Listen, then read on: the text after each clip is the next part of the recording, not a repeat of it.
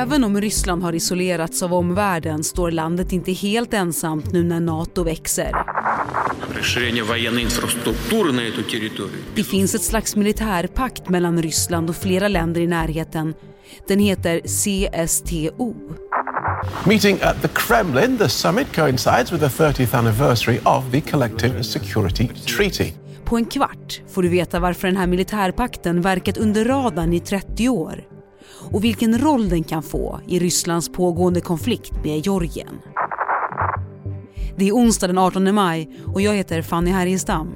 Här är dagens story från Svenska Dagbladet.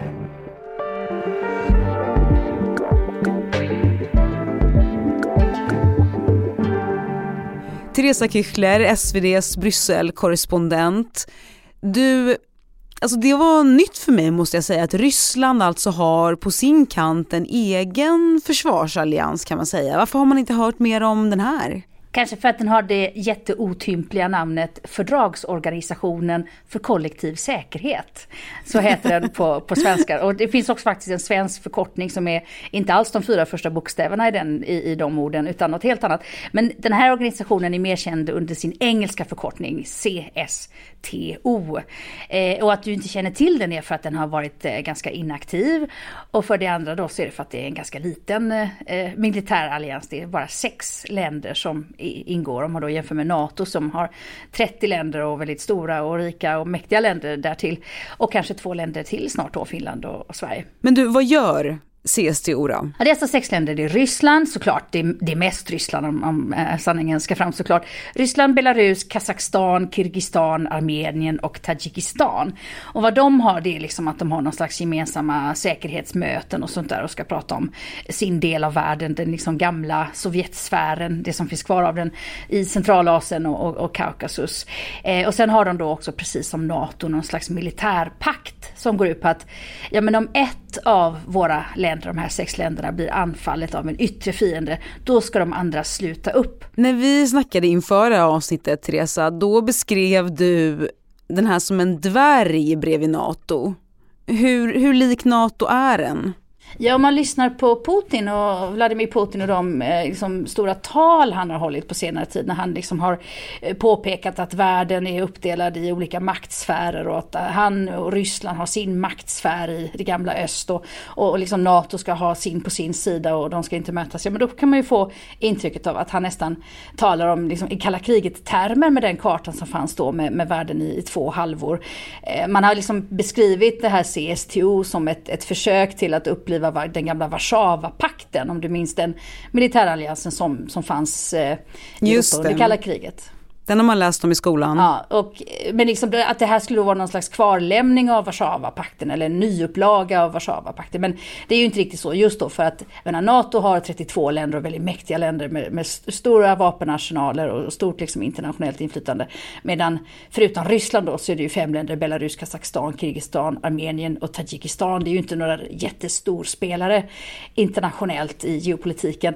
Om, med, med undantag då för att vissa länder av de här länderna är stora oljeländer. Så på energi, i energivärlden, och det är ju också en stor del av geopolitik, så är de här länderna stora. Men det är ju inte krigsmakter det här. Så att på så vis är, de inte lika, är inte den här sammanslutningen särskilt lik NATO. Men till sin struktur, till sin fasad så påminner den om NATO. Med de här löftena om att man ska hjälpa varandra militärt och med de här ständiga mötena om någon slags gemensam bild av vad som är säkerhet för, för deras del av världen och så. Eh, varför pratar vi om det här idag? Jo, därför att det är 30 år sedan som den här organisationen uppstod och det firades i, eh, på måndagen den här veckan i Moskva. Då hade Vladimir Putin bjudit in till en stor fest och de hade liksom fotoutställningar med högtiderna ur de här 30 åren tillsammans. Och jag, många Rysslandskänner menar att det är väldigt viktigt för Vladimir Putin just nu att visa upp för sin egen befolkning att han inte står ensam i sitt krig mot mm. Ukraina. Det passar väldigt bra att det kommer ledare till Moskva från de här länderna och, och stå bredvid honom på, foto, på foton i, i medierna och han får säga någonting. Den här, en, en fotoutställning som jag har tittat på eh, på nätet då som just nu pågår om CSTO har det här trevliga namnet Tillsammans så står vi starka! Utropstecken och, det är liksom ett sätt för, för då Putin, han, han kräver ganska stora off, offer just nu från sin befolkning. Ryssland har drabbats av väldigt hårda ekonomiska sanktioner från, från väst och det känns, det svider i den ryska ekonomin och det svider i de ryska hushållens plånböcker. Mm. Och om han ska liksom få med sig sitt folk på kanske fler uppoffringar, ett krig som drar ut på tiden, eh, då måste han visa att han inte är liksom någon slags paria i världen. För man får inte glömma att väldigt många ryssar har ju tillgång till såna här VPN-tjänster, alltså att de kan ta sig runt blockerade sajter och sånt som är blockerade i Ryssland och läsa västerländska medier. Och de ser ju att Ryssland är paria i världen idag. När det kalla kriget gick mot sitt slut sommaren 1991 upplöstes Sovjets motsvarighet till NATO, Warszawapakten. Den östliga alliansen med sina åtta socialiststater. Men snart knöt flera för detta Sovjetrepubliker nya band mellan sig och CSTO föddes, Collective Security Treaty Organization. Den beskrivs ofta som en mindre, svagare och inte lika ambitiös variant av föregångaren Warszawapakten. Sen tidigt 2000-tal har unionen stärkts och har numera en egen insatsstyrka. Medlemmarna är sex, Armenien, Belarus, Kazakstan, Kirgizistan, Ryssland och Tadzjikistan och det är Ryssland som är tungviktaren i beslutsfattandet. Flera länder har bett om hjälp men fått kalla handen av Ryssland tidigare och bara en gång har alliansen faktiskt skickat trupper till ett land. Det var nu i januari 2022 när våldsamma demonstrationer bröt ut i Kazakstan i protest mot höjda bränslepriser och korruption. Inom några timmar efter att presidenten ringt in CSTO landade både ryska och belarusiska trupper i huvudstaden Almaty. De öppnade eld mot demonstranter och flera hundra dödades. Varför agerade CSTO just i den här situationen i Kazakstan nu i början av året? Det finns olika historieskrivningar där faktiskt. Det finns eh, den offentliga versionen som är att eh, Kazakstans ledare begärde hjälp eh, med att kväsa det här upproret och, och att Ryssland då liksom snällt och, och broder, broderligt ställde upp och sa vi skickar CSTO-soldater, inte ryska soldater, det var CSTO-flagga, det var viktigt, det var liksom fredsbevarande gemensamma trupper, inte ryska soldater. Men det var ryska soldater som dök upp i stridsvagnar och sådär. Det är den offentliga berättelsen, men sen finns det en annan historia historieberättelse som, som säger att, att Ryssland redan hade bestämt sig för att ge sig in i den där konflikten och att eh, Kazakstans ledare inte alls hade kanske begärt den där hjälpen. I Kazakstan finns eh, 300 000 egna soldater. Frågan är ju liksom varför de skulle behöva vänta på, i det här fallet då 2500 ryska soldater för att kväsa demonstrationer. Så det är lite sådär snurrigt liksom. Hur mycket använder Ryssland CSTO för sina egna intressen? Kanske för att skapa sig lydstater eller lydiga ledare, eh, sätta ledare i de här små länderna runt omkring i någon slags tacksamhetsskuld gentemot Ryssland? Eller är det verkligen så att CSTO har den där funktionen att de, de ploppar upp vänskapligt när det behövs? Ja, men det här leder oss in lite på ett gammalt Sovjetskämt som jag och producenten för det här avsnittet eh, läste om inför, inför det här. Eh, tidskriften Economist skrev i början av året, medan NATO skyddar sina medlemmar så invaderar Warszawapakten Sina. Det är ett gammalt Sovjetskämt då, då. Är det så man ska förstå CSTO också eller? Ja, i, i, fallet med Kazakstan så finns det misstankar. Det var en, eh, en ledamot i det kazakstanska parlamentet till exempel som då efter den här hjälpen som jag säger inom citationstecken då från Ryssland eh, frågade i parlamentet eh, var, varför behövde vi vänta på ryska soldater när vi har egna? Han, han liksom såg väldigt frågande ut och, och då stängdes hans mikrofon eh, av väldigt fort. Man ska titta också, idag är det sex länder som är medlemmar i den här alliansen men det har varit nio länder vid något tillfälle. Ett par länder har lämnat alliansen som Azerbajdzjan, som eh, Uzbekistan. Och, och, det är ju för att de internt har haft konflikter med varann. Just det, det är lite familjebråk har jag förstått. Ja, det är familjebråk och det är klart att det handlar ju alltid om sådana där gränstrakter där det finns kanske etniska grupper från det ena landet som bor inne i det andra landet. Vi har sådana här klassiska liksom, utbrytarkrig som kanske förs som någon slags proxykrig mellan två makter. Azerbajdzjan och Armenien till exempel har ju gamla tvister om vissa regioner och sådär. Och sen mm. är det då som jag sa tidigare att Flera av de här länderna är idag handelspartner till både länder i Europa och USA och Kina och så här, och de har liksom ingen lust att sitta fast i någon slags gammal kalla krigsbunker med Vladimir Putin. De vill ju fortsätta sin handel med väst och hålla sig väl med väst. Så sent som i förra veckan så åkte en eh, vice utrikesminister från Kazakstan till fyra europeiska länder för att prata handel och strategiska partnerskap. En riktig turné. Ett område som har stor geopolitisk betydelse i regionen just nu är Sydossetien i Georgien. Berätta, varför är det här på tapeten just nu? Ja, Georgien är ju sånt där, en sån där, ett sånt där land precis mellan, mellan öst och väst och som då Vladimir Putin säger att han vill ha som någon slags buffertstat. Och det finns då en utbrytarregion, det finns två utbrytarregioner i Georgien, men den ena är Sydossetien som då, eh, där de flesta talar ryska och där det finns en, eh, ja, en stor grupp av befolkningen som anser sig vara rysk. Och där sa det den självutnämnda ledaren i Sydossetien Eh, att man kommer att hålla en folkomröstning i juli om, eh, om huruvida man ska uppgå i Ryssland eller inte. Och det kommer vi återkomma till. Men vi tar lite bakgrund först. Farmer Dato Ivanishvili tells us his story, which is typical of many people's fates in the region. This was Georgian territory for 80 years. And now, has it turned Russian? That's my house over there. Taggtråd som löper rakt igenom det höga gräset. Bara djur kan ta sig över gränsen obehindrat. Georgien har en sån här fysisk gräns inom landet mot regionen Sydossetien. Det var 2008 som Ryssland gick in i Georgien med trupper för att stötta ryska separatister mot den georgiska regeringen som förlorade och sedan dess tappat kontrollen i Sydossetien.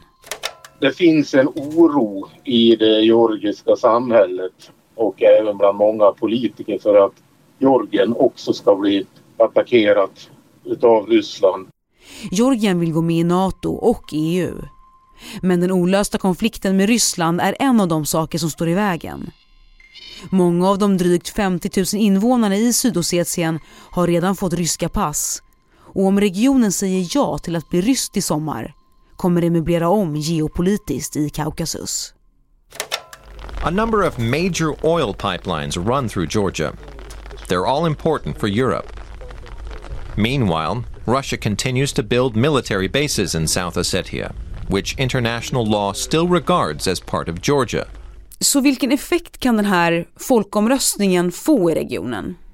Men det här skulle ju kunna bli ett sånt där lackmustest för hur mycket man eh, tror på den där militära pakten, CSTOs löfte om att om en attackeras så ska vi alla hjälpa till.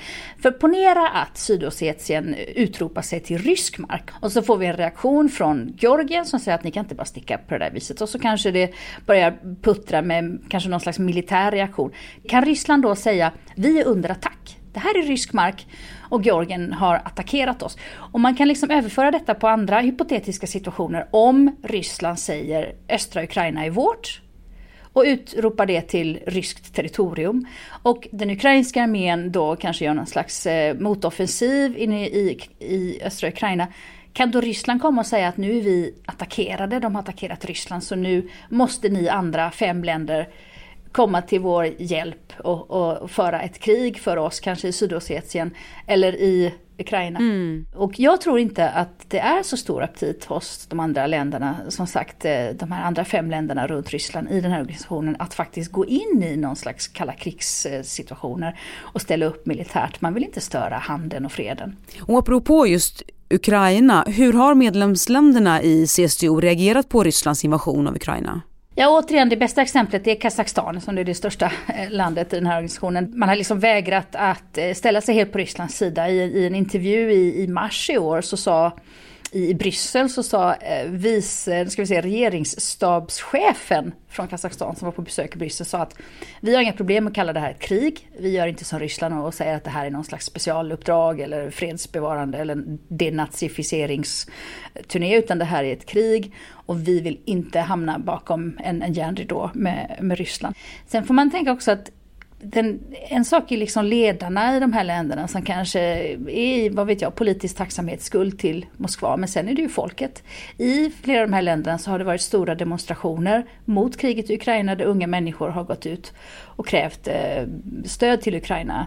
Samtidigt som man också kräver demokratiska reformer och sånt på hemmaplan.